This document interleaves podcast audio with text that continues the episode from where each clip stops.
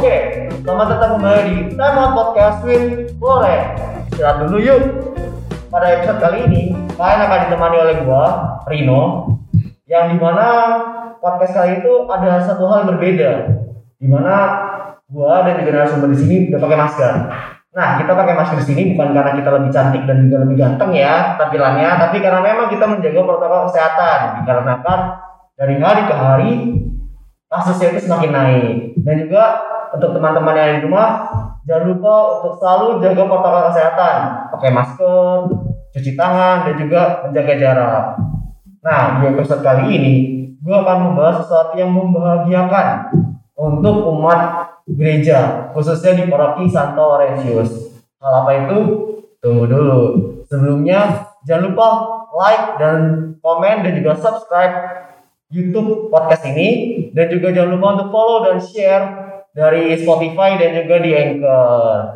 Nah, hari ini gua akan membahas sesuatu yang membahagiakan seperti yang tadi gue bilang itu adalah bisa new normal. Bisa new normal itu maksudnya apa? Nah, itu yang akan kita bahas di hari ini. Dan narasumber hari ini juga spesial. Itu ada dari TGKP. Nah, apa sih itu? Nah, kita langsung sambut aja. Ada dari Pak Yohanes Winata dan juga Bu Dr. Ria yang di mana Pak Yohanes itu adalah sekretaris dari TG, TGKP dan juga Bu Ria adalah koordinator medis dari TGKP. Oke, itu pertama-tama nih. Bu, Dokter dan juga Pak Yohanes. Kita tuh sudah mengalami situasi pandemi ini hampir setengah tahun, ya kan? Di mana hampir tiga bulan itu kita ada misa streaming di rumah, ya kan? Dan kita nggak menerima tubuh Kristus secara langsung. Menurut Bu Dokter jangan dan juga Pak Yohanes, vibes-nya itu gimana kalau misa streaming di rumah tuh? Soalnya kalau saya pribadi, kalau lagi misa streaming itu biasanya nggak serius, yang malah malah malah main game atau malah main HP gitu kan. Jadi kayak Benar, benar. apa ya saya inten apa intensitasnya ataupun kurang gitu loh Hmm. rasanya. Kalau dari Pak sendiri gimana? Awalnya ya, kalau kita lihat misa online ya, ya online per streaming gitu ya, saya juga ngalami hal yang canggung. Hmm. Karena biasanya kan seumur hidup nih, baru kali ini nih ngikut misa, tapi seperti nonton televisi, bener kan ya gitu ya. Iya. Terus yang buat saya jadi lebih canggung lagi adalah masalah penghayatannya, Hmm. bener ya. Kalau di rumah tuh gangguannya banyak aja tuh, Ya. bener ya.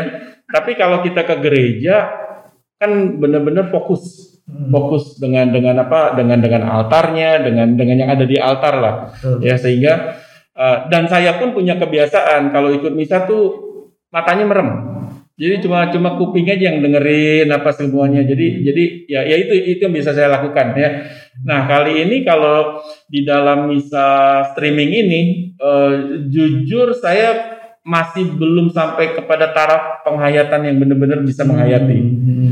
tapi di lain hal, ya ini kan cuma pribadi saya, tapi di Iya. lain hal saya patut bersyukur bahwa eh, dengan teknologi kemajuan digital ini ya itu semua bisa digantikan Hmm. ya dan juga kan gereja juga sudah mengadop yang namanya kemajuan teknologi ini sendiri. Hmm. Tapi pengalaman pribadi buat saya ya seperti itu kira-kira. Hmm. Hmm. Kalau dari Ibu Dokter sendiri? Hmm, kalau saya ya, jujur nih, Iya. jujur. Harus Jujur. jujur. jujur tuh saya seneng streaming. Oh iya.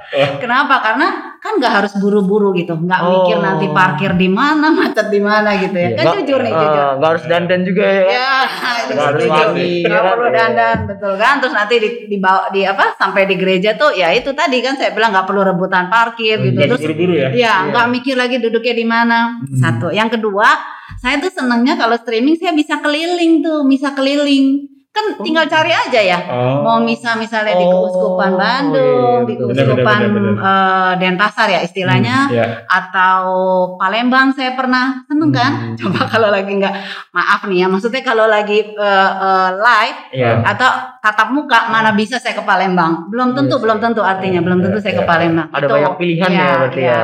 Ah. Tapi memang iya betul. Tapi memang memang em, eh, apa ya tetap tetap sih pasti ada rasa yang hilang gitu. Rasanya kayaknya nggak afdol gitu ya Hmm. karena nggak bisa lihat langsung gitu Benar. kan. Jadi kalau streaming itu saya lebih kayak melihat adegan aja gitu. Iya. adegan oh si Romo Iya. jalan, Putra Hmm. Altar jalan Iya. gitu kan terus pembaca ngomong gitu kayak lihat adegan aja gitu. Oh. Nah itu itu aja sih kalau saya ya gitu. Iya, bener juga sih ya nggak ribet harus cari parkir ya. Nggak harus kelakson kelaksonan ya kan kalau udah pulang gitu kan. Iya, Kan jalan negatif. Positifnya itu positifnya. Positifnya itu ya. Kita positif. mata dikit gitu ya. Iya, Rawa-rawa betul, buka langsung duduk depan. Mungkin karena menye- menyepelekan juga kan melihat eh depan Hmm. gue udah TV tuh gitu Iya, kan. Nah iya. gitu. Mungkin ya tapi eh, tetap lah tetap pasti eh, ada, Ada yang kurang. ya. Tapi iya. memang, memang kalau saya rasanya memang butuh persiapan batin lebih dalam Ah, iya, kalau betul. untuk yang oh, streaming betul ini ya. streaming. Benar. Butuh persiapan batin Benar. lebih dalam Hmm. karena kita menganggap ah gampang lah nanti lima menit lagi juga bisa kan ya. Tapi ternyata nggak gitu juga ya dok ya. Iya benar benar. Karena kan kalau di rumah kan nggak ada yang memonitoring kan. Nggak, Monitoring kan. nggak ada. Kayak Iya. ibaratnya kalau di gereja kan ada petugas tata laksana, Iya, ada benar. romo. Suasananya udah dibangun kalau Iya, di gereja. iya. Kalau di rumah kan enggak. Iya. suasananya yang Iya, kita hilang betul. itu sih menurut saya. Suasana yang suasana masih sarapan ya kan. Itu dia. Masih nonton ya. Itulah. Betul betul. Oke ya benar. Nah, terus kan juga selama masa pandemi ini banyak kegiatan di gereja itu yang dihentikan gitu kan. Nah, Pak Yohanes, berhubung Pak Yohanes itu adalah sekretaris dewan paroki, Hmm. apakah selama ini banyak umat yang menyatakan kerinduannya gitu loh? Kayak bilang kalau, eh Pak, kenapa sih kita nggak ada bisa di gereja atau apa kayak sekedar kerinduan-kerinduan gitu, sekedar kayak berbicara di warung kopi gitu loh. Ada satu dua lingkungan nggak banyak ya. Hmm. Mungkin mereka juga udah mengerti situasinya ya.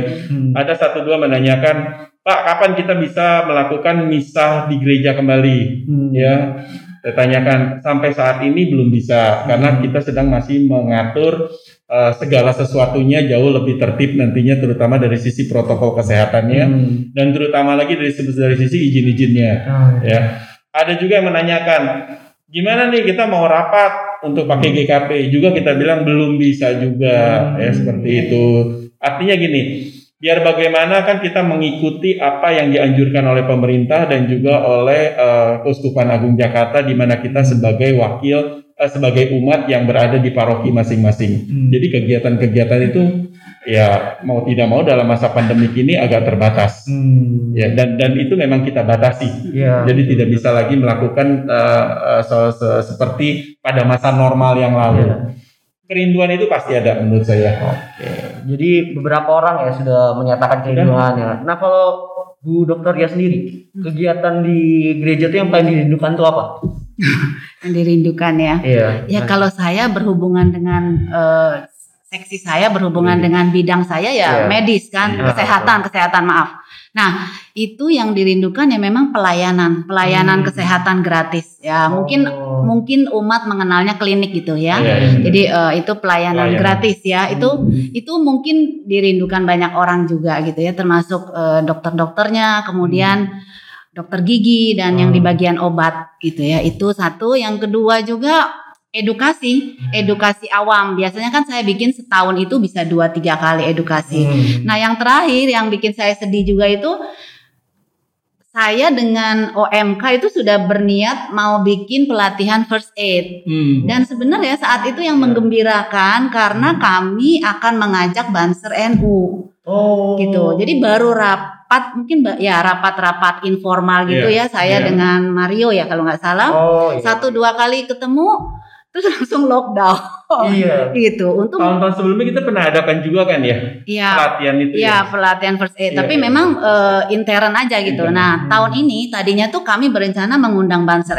NU gitu. Hmm. Oh, iya. Dan sudah ada kuotanya berapa? Aduh sedih benar, sungguh sedih itu Hmm, gitu. Berarti banyak hal yang disayangkan ya. Iya, iya, betul, betul. Oke. Banyak kegiatan-kegiatan yang kita sudah rencanakan Ya, di rapat eh, apa rapat karya tahun lalu ya Hmm. terpaksa Iya, nggak bisa jadi- dijalankan. Hmm, betul, Terpaksa di harus betul. dibatalkan di tengah jalan juga ya. Iya. Yang bisa memang adalah sifatnya pelatihan, pewartaan itu masih bisa dengan adanya Hmm. eh, apa media digital ini itu masih Iya. bisa dilakukan. Iya. Kayak podcast ini ya kan masih bisa dilakukan. Kayak podcast ini. Oh, iya dong, ya. Mantap. mantap.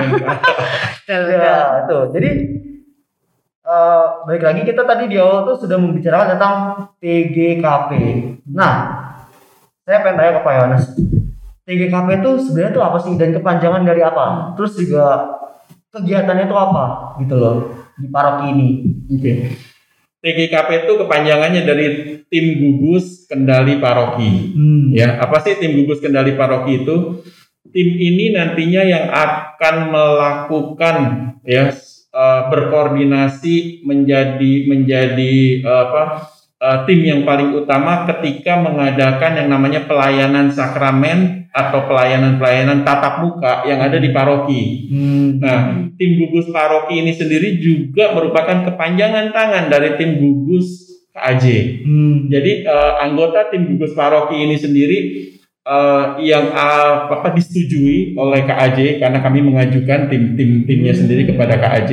Sebagian anggota DPH, sebagian lagi juga bukan. Hmm. Uh, di mana nanti kita menyusun semua protokol-protokol kegiatan secara teknis, secara Hmm. teknis apa yang akan dilakukan pada saat ingin melakukan pelayanan sakramen. Hmm. Pelayanan sakramen itu bukan hanya hari Minggu saja, tapi juga nanti ada perkawinan, Hmm. ada pembaptisan. Jadi seperti itu kira-kira yang, akan diatur. Dan ini semua mengacu pada panduan umum yang juga sudah dibuat oleh KAJ. Hmm. Karena masing-masing paroki kan unik, Iya betul. ya nggak bisa diseragamkan semuanya. Iya, betul. Maka tim gugus kendali paroki inilah yang menerjemahkan panduan umum tadi ke lokal. Seperti apa yang bisa kita lakukan. Hmm. Jadi kayak penyesuaiannya ya, penyesuaian aturan dari KJ tentang misalnya normal ini. Iya, Oh. kira-kira seperti itu. Nah kalau Budia sendiri, andilnya di sini itu sebagai apa di Hmm. dalam TGKP ini? Oh, ya sama, sama sebagai tim medis ya, Oke. ha, koordinator eh, medis ya kesehatan sama. Oh, Tim medis itu yang paling penting. Hmm. Jadi pada waktu kita nyusun Hmm. semua protokolnya, ya kalau nggak ada tanda tangan tim medis katanya nggak disetujui. Iya, itu kan. Karena kita berbicara mengenai masa pandemik, Hmm. benar kan ya? Jadi nomor satu adalah protokol Hmm. kesehatan dan kita percaya mungkin udah pernah dengar juga waktu Bapak Uskup menyampaikan apa sosialisasi di awal tim Hmm. TGKP ya. Hmm. Bukan hanya kita mau beribadah, tapi yang terpenting adalah menjaga keselamatan masing-masing Hmm. orang. Oh, Jadi enggak enggak sembarangan lah kita lakukan hal seperti itu. Makanya, oke. makanya tanda tangan saya sakti kan. Kalau kalau enggak enggak disetujui. Iya, kalau tidak membuka tangan semua tidak jalan. Iya. Iya, padahal dokternya juga kema deg-degan Iya. juga gitu kan. Nah, Dan oke. TGKP ini juga berkoordinasi dengan pemerintah daerah Oh, setempat. Ya. Iya. Oh, jadi sudah ada sudah persiapannya sudah cukup matang lah ya. Kira-kira di atas kertas sudah matang. Oh, di ya, atas kertas Ya, ya, ya. mulai tanggal Ya. 13 nanti kita Oh. mengimplementasikan apakah yang di atas kertas Ya, itu berjalan Jalan dengan ya, sesuai dengan betul, betul. dengan yang kita bicarakan. Apakah teorinya sesuai atau tidak di lapangan? Iya. Semoga tidak banyak perubahan. Iya, betul. Amin, amin, amin. Nah, terus kalau misalkan kan tadi kan Pak Yunus bilang kalau itu dari KJ. Nah, kenapa sih keuskupan sendiri itu tidak tergesa-gesa membuka, membuka gereja untuk misa? Karena kan misa itu salah satu elemen yang penting gitu loh. Misa itu satu elemen yang penting, tapi jauh lebih penting adalah menghargai kehidupan manusia menurut saya. Oke. Sebab itu saya sangat salut sekali apa yang disampaikan oleh Bapak Uskup. Hmm. Kita tidak perlu tergesa-gesa hanya karena kita keinginan, kerinduan kita ingin bertemu dengan Hmm. Tuhan, katakan ya, tapi melupakan kepentingan bersama. Hmm. Sebab itu yang penekanan yang sangat bagus sekali adalah misa kita jangan sampai menjadi satu klaster baru nantinya. Hmm. Jangan sampai klaster baru penyebaran Iya, COVID itu. sih. Karena ini kan musuh kita nggak kelihatan sama sekali Iya, ya. betul. Saya baru kaget beberapa hari lalu tiba-tiba teman saya kena. Hmm. Selama ini nggak apa-apa orangnya sehat-sehat Iya, aja, betul. bener kan ya?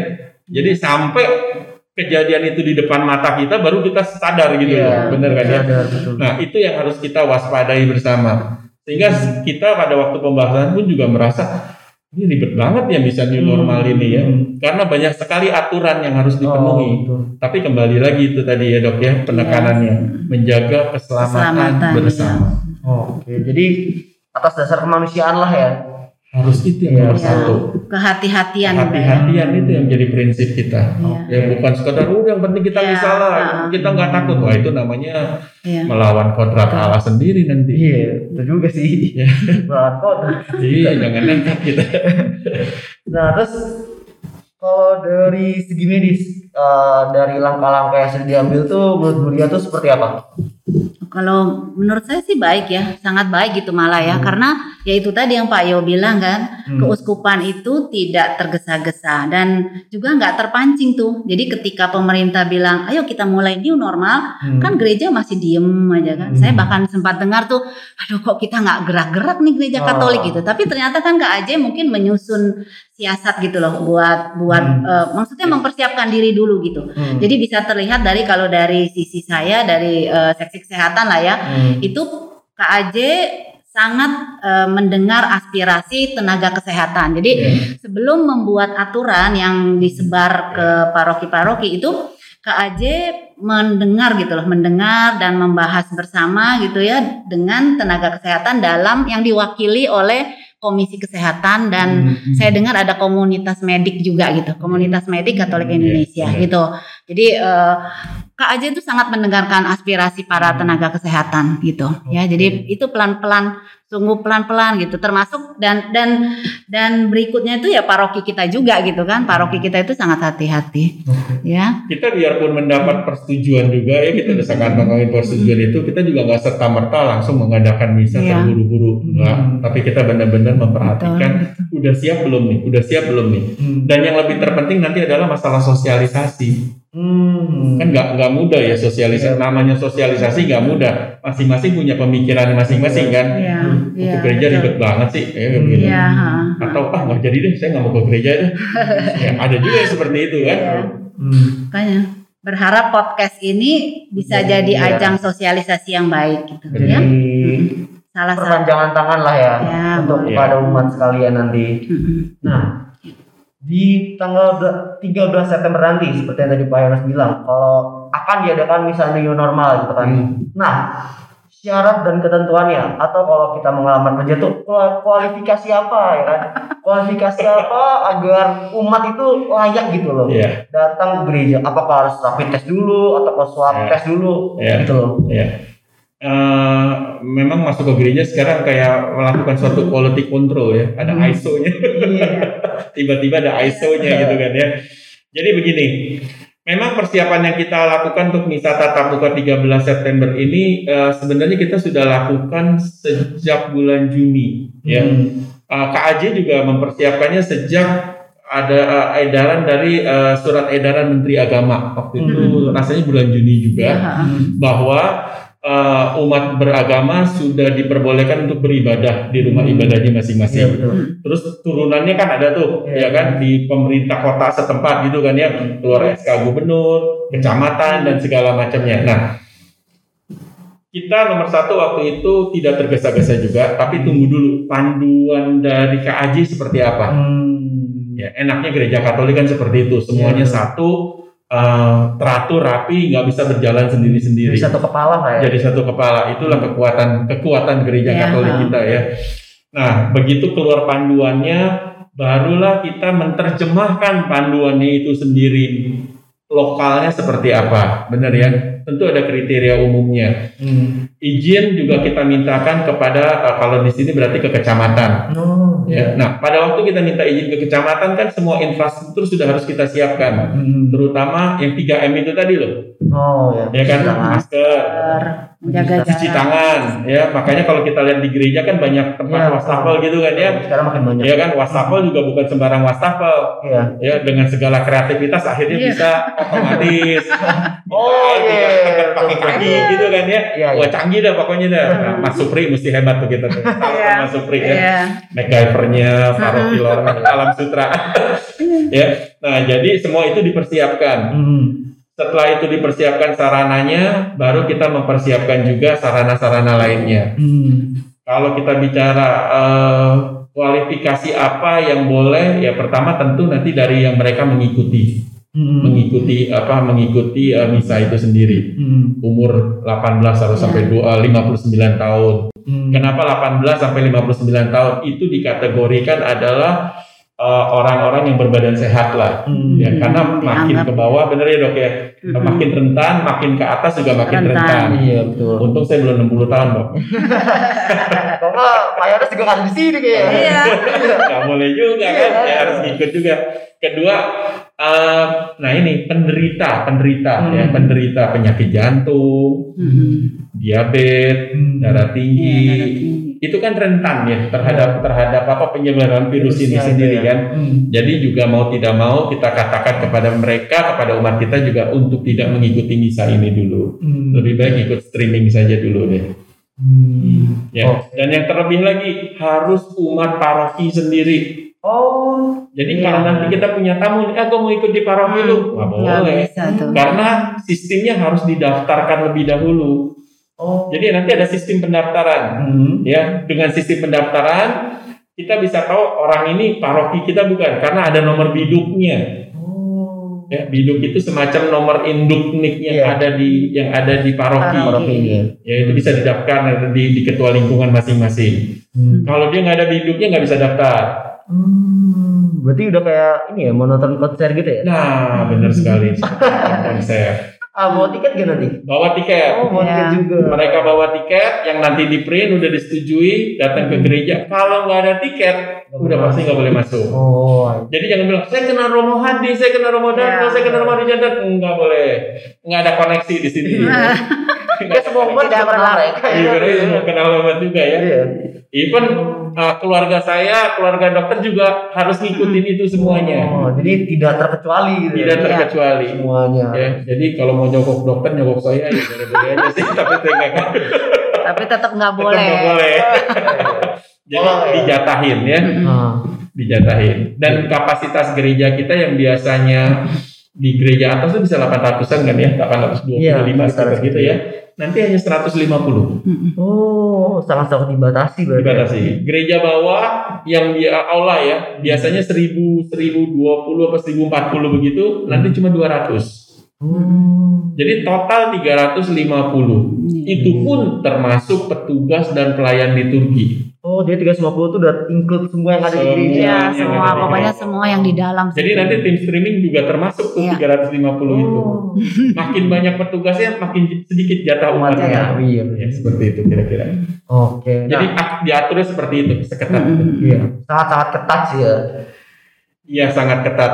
Iya. Karena kita nggak mau main-main dengan situasi Betul. ini. Tapi juga nggak usah nggak usah sampai khawatir khawatir sampai paranoid sekali.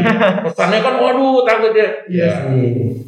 Ya, terus kalau dari Bu Dokter ya eh, untuk persiapan medisnya selama eh, nanti untuk tanggal 3 udah apakah sudah matang atau bagaimana bisa diceritakan? Ya persiapan matang nggak matang ya, memang Ah. harus harus dipersiapkan gitu. Ah. Ya tim tim kami sudah ada gitu ya, Hmm. dibantu berapa ya? Mungkin ada 11 dokter dengan satu perawat. Hmm. Nah, tapi memang karena memang prosesnya panjang kemarin jadi ada satu dokter saya yang mundur karena dia sudah dapat eh, apa ya Panggilan di tempat lain. panggilan di Bali. Eh, Oh. Padahal dokter ini yang sempat bekerja di Wisma Atlet gitu. Oh, tapi oh, tapi gitu. eh, oke lah jadi eh, jadi tahu ya ya. dokter ini banyak memberi info juga kemarin ya. Jadi Hmm. ya saya tetap rapat juga gitu kan rapat intern sesama eh, Hmm. dokter gitu ya. Tim medisnya lah ya, tim medis gitu. Oke, berarti termogan juga ada ya dok ya? Iya, termogan ada. Termogan. Termogan di di maksudnya dari dari untuk dokter gitu ada dan termogan yang di petugas lapangan itu ada. Ada gitu. juga. Oh, berarti sudah siap alat-alatnya ya? Iya. Secara teori ya kan? Iya. Oke. Nanti di lapangannya tanggal 13 nanti. Jangan lupa Iya. teman-teman ya. Nah, tapi saya mau tambahin nih. Oh ya? ya, prosedur yang kesehatan kita dalam menangani eh, situasi darurat kemudian kesehatan Hmm. itu rupanya diapresiasi nih sama Kuskupan Agung Jakarta Oh, iya. sama timnya dia bilang wah ini bagus sekali pak boleh nggak saya share ke paroki lain saya bilang Iya. dokter ya hebat nih Iya. saya bilang boleh dipakai dia cuan kira-kira Iya, gitu Oke, berarti congratulations ya buat Bu Iya ya, ya kan? Iya. Sudah apa ya? Intinya berarti kan diatur sedemikian Iya, syarat dan ketentuannya seluruh protokol itu sudah diakui, Iya. sudah dicap oleh KJ gitu kan. Ya, boleh. Nah, mungkin bisa saya tambahkan ya. Ya, boleh. Kalau Pak Yo tadi kan sudah menjelaskan tentang umur ya. Hmm. Kemudian mungkin saya tambahkan sedikit eh, apa? Kenapa misalnya umat yang menderita beberapa penyakit itu ya, Hmm. ya bukan artinya satu orang menderita beberapa, tapi ada kriteria beberapa penyakit yang nggak boleh itu kan Iya. karena yang kita takutkan adalah memperberat kondisi seandainya seandainya nih ya yang terburuk misalnya mereka terinfeksi gitu Hmm. gitu ya. Iya. Eh, jadi saya saya memang beri kriteria itu mereka yang memiliki eh, riwayat atau memang menderita penyakit kronis ya Hmm. kronis terus mungkin ya bawaan gitu ya Hmm. misalnya darah tinggi itu kan pasti panjang tuh long life ya Hmm. kemudian kencing manis Diabetes ya ya. Mm-mm, diabetes kemudian eh, penyakit jantung dengan segala macam yang ada di jantungnya jadi kelainan irama misalnya ya kelainan otot gitu Hmm. kemudian yang pembuluh-pembuluh darahnya gitu kemudian juga untuk umat yang baru menjalani operasi misalnya kan apalagi mereka misalnya yang butuh pemulihannya itu memang Hmm. eh, kami tidak menganjurkan gitu ya bahkan dilarang lah ya Iya. dilarang kemudian yang mengalami gangguan di saluran napas misalnya asma Hmm. itu juga kan menahun tuh walaupun Iya. mungkin mungkin saat dia mendaftar dan saat misa dia baik-baik saja gitu kan semua juga begitu Iya, ya betul. semua juga kalau Ya, misalnya yang mas ya tadi? semua kan begitu merasa ya baik artinya misalnya terkontrol gitu tapi tetap kita Hmm, tidak betul. pernah ada yang tahu gitu ya kemudian yang penting juga adalah ibu hamil ya Oh, iya, Nah, betul. ibu hamil dengan umat berkebutuhan khusus ya Hmm, jadi iya. jadi tetap ada tempatnya kan maksudnya eh, umat tersebut bisa mengikuti misa live streaming. Oh. kan katanya sama sahnya. Hmm, ya kan? Sahnya sama kan? Gitu. Oh. ya. Itu kemudian kemudian eh, poin yang mungkin tadi umur kemudian penyakit kronik. Yang ketiga itu pada saat hari haknya gitu menjelang hari A. Jadi em, saya juga minta umat eh, kalau misalnya saat itu merasa tidak fit ya merasa Hmm. tidak sehat misalnya demam Hmm. atau mungkin sebelumnya gitu loh saya baru sembuh kok gitu ya kemarin saya memang demam tapi hari ini udah sembuh misalnya gitu Hmm. dan terutama suhunya di atas sama dengan 37 setengah Hmm. gitu kemudian yang sedang batuk pilek Hmm. sesak napas atau mungkin kalau orang awam kadang-kadang ada yang bilang saya begah nih dok gitu begah Oh. rasanya berat gitu ya napasnya nah itu juga sebaiknya eh, jangan coba-coba ya, deh gitu coba. ya ha-ha. kemudian yang tidak dalam masa pemulihan ya Hmm. jelas dan tidak mengalami gangguan pencernaan misalnya sedang diare gitu karena karena yang yang sekarang di hadapan kita ini musuh kita ini Hmm. Ya sekarang ternyata tidak main di saluran pencerna, eh, saluran pernafasan saja, tapi Oh. sudah sampai ke saluran pencernaan gitu. Gitu ya. iya, Hmm. gitu ya. Kemudian apalagi ya, eh, yang saat itu mungkin tidak sedang eh, merasakan apa ya, merasakan ada gangguan di pengindranya gitu. Hmm. Merasa Jadi kan ya, ngecap, per- ngecap. ya misalnya merasa kok kayaknya nggak nggak bisa merasakan asin, Hmm. asam, manis gitu. Kok rasanya mulut gue pahit aja ya misalnya gitu. Hmm. Atau atau penghidu ya penciuman. Jadi Iya, nggak nggak bisa mencium dengan baik gitu. Nah itu juga sebaiknya jangan datang ya, Oh, jangan datang ke gereja. ya. Ya, ha-ha, gitu ya. Kemudian pedoman umat yang lain sih mungkin umum juga itu yang keempat ya jangan lupa selalu pakai masker ya. Kalau bisa juga bawa cadangan gitu, Hmm. misalnya berkeringat Hmm. kan ya Oh, atau oh. misalnya talinya putus gitu. Iya. Dan saya sarankan kalau kita sedang dalam eh, ruangan atau dalam apa ya dalam acara yang banyak orang, Hmm. usahakan menggunakan yang dua lapis gitu ya. Oh. Maskernya dua lapis. Mungkin kayak Rino, Pak Yo itu saya yakin dua lapis gitu. Oh, oh, ya iya, gitu betul, sebaiknya betul. yang begitu, Iya, sebaiknya gitu ya. Yang lain ya. Minimal, Ya. minimal. Ya minimal ya. Boleh yang medis begini boleh kalau memang ada. Sekarang kan stok sudah banyak. Iya. Kalau dulu orang rebutan nih pakai Iya, ini kan. Sampai dimarah-marahin. Orang awam mau pakai ini dimarah-marahin kan. Iya. Kesian dokter tuh gitu Hmm. kan. Oke, kemudian eh, jangan lupa juga bawa apa hand sanitizer sendiri iya. ya. Barangkali ada umat yang memang cocok dengan hand sanitizer sendiri gitu misalnya ya, ya itu aja dibawa. Kemudian tempat sampah juga. Tempat sampah itu bukan tempat sampah yang besar itu dibawa ya, tapi Mhm. plastik kecil lah ya. Oh. Plastik kecil mungkin untuk misalnya kalau dia lap keringat nanti tisunya itu dia masukkan dulu di Hmm. plastik itu dia eh, bungkus kemudian masukkan dulu dalam tas atau saku, ya. Bawa tisu, bawa handuk sendiri karena gereja tidak menyediakan tisu Oh. gitu. Jadi kalau selesai cuci tangan merasa nggak nyaman basah, jangan dikepret-kepret begini Iya, ya, betul. atau dilap-lap begini nih ya. Jadi mesti pakai tisu gitu, dilap sampai kering. Itu.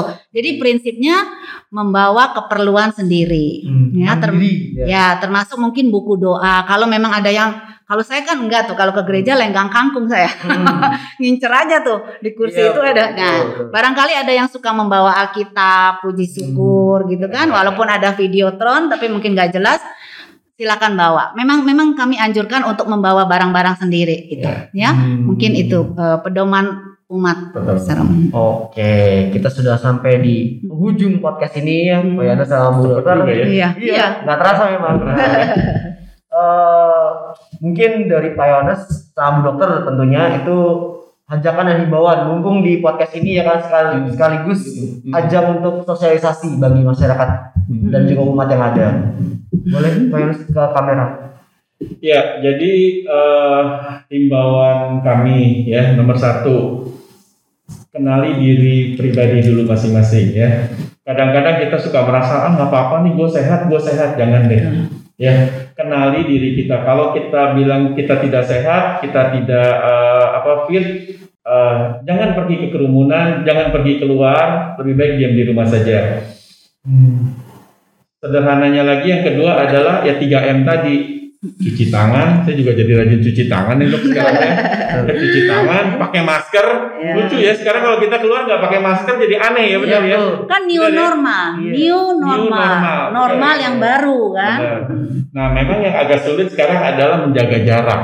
Hmm. Menjaga jarak benar ya. Iya. Saya lihat kalau saya udah nggak pernah naik kereta lagi nih. Oh. Biasanya naik kereta tuh Oh, naik gitu kan ya karena nggak nggak nggak bisa nggak bisa jaga jaga Iya, betul. jarak juga kan seperti itu kan ya nah kemudian yang penting lagi biarpun situasi seperti ini ya kita nggak usah khawatir berlebihan Hmm. ya kadang-kadang paranoid Hmm. menjadi membuat kita jadi psikis kan nah, eh, nggak tahu sih bukan dokter sih tapi saya Iya. merasa kalau orang paranoid Iya, jadi betul. lebih ketakutan malah jadi Iya. lebih rentan kan daya tahan tubuhnya Betul. ya lebih baik kita eh, jaga kesehatan tetap minum vitaminnya ya kan Eh, ya ikutin protokol lah ikutin Ya, protokol betul, kesehatannya dan yang keempat percayalah ya Tuhan tidak membiarkan kita benar kan ya ini bukan masalah cobaan oh Tuhan lagi mencoba kita yang nggak gitu juga ya tapi Ya. kan ini situasi yang memang seperti ini katanya kan bumi lagi menangis nih ya Ya, selama ini bumi itu di, dikerjain sama manusia Ya. Jangan salah kata bumi, lu yang nebeng di gua nih sekarang nih ya. Iya. Lu yang indekos. Iya. Gua bisa ratusan tahun, ratusan abad, manusia paling cuma 100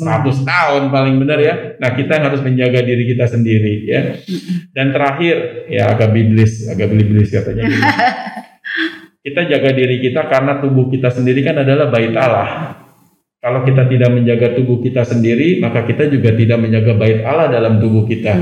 Jadi ya saya himbau ya kembali kepada diri kita, disiplin kita untuk menjaga kesehatan dan uh, uh, disiplin lah pada diri sendiri. Pasti semuanya itu biar dan juga tetap berdoa pastinya ya. Iya. Uh, dan saya yakin Tuhan juga akan menjaga kita kok semuanya. Iya. Gitu kira-kira. Kalau dari dokter ya saya ya, saya menghimbau umat kan gereja sudah dibuka kembali kan sebagian besar umat katanya merindukan gitu. Jadi kalau saya boleh berpesan, ayo mari kita datang ke gereja gitu ya. Jangan takut, jangan cemas berlebih ya. Artinya tetap tetap harus waspada gitu dengan mengikuti kalau nanti misa nih mengikuti Hmm. arahan petugas ya, mulai turun dari kendaraan kita masuk ke area gereja, masuk ke dalam gereja sampai kita keluar gereja. Kemudian ikuti aturan protokol kesehatan yang baik sebaik-baiknya. Jangan pernah lengah gitu ya.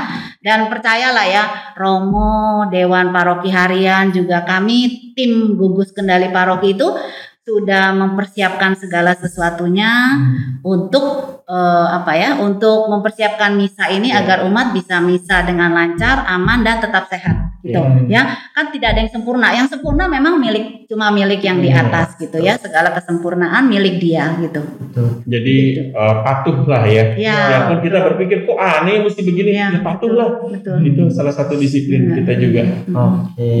Dan kalau ajakan dan himbauan dari saya, ayo. Jangan takut untuk datang ke gereja karena semuanya sudah dipersiapkan. Dan untuk himbauannya jangan coba-coba.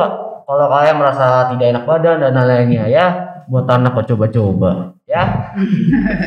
ya itu aja. Dan kalaupun kalau umat sekalian ingin datang jangan lupa untuk daftar terlebih dahulu.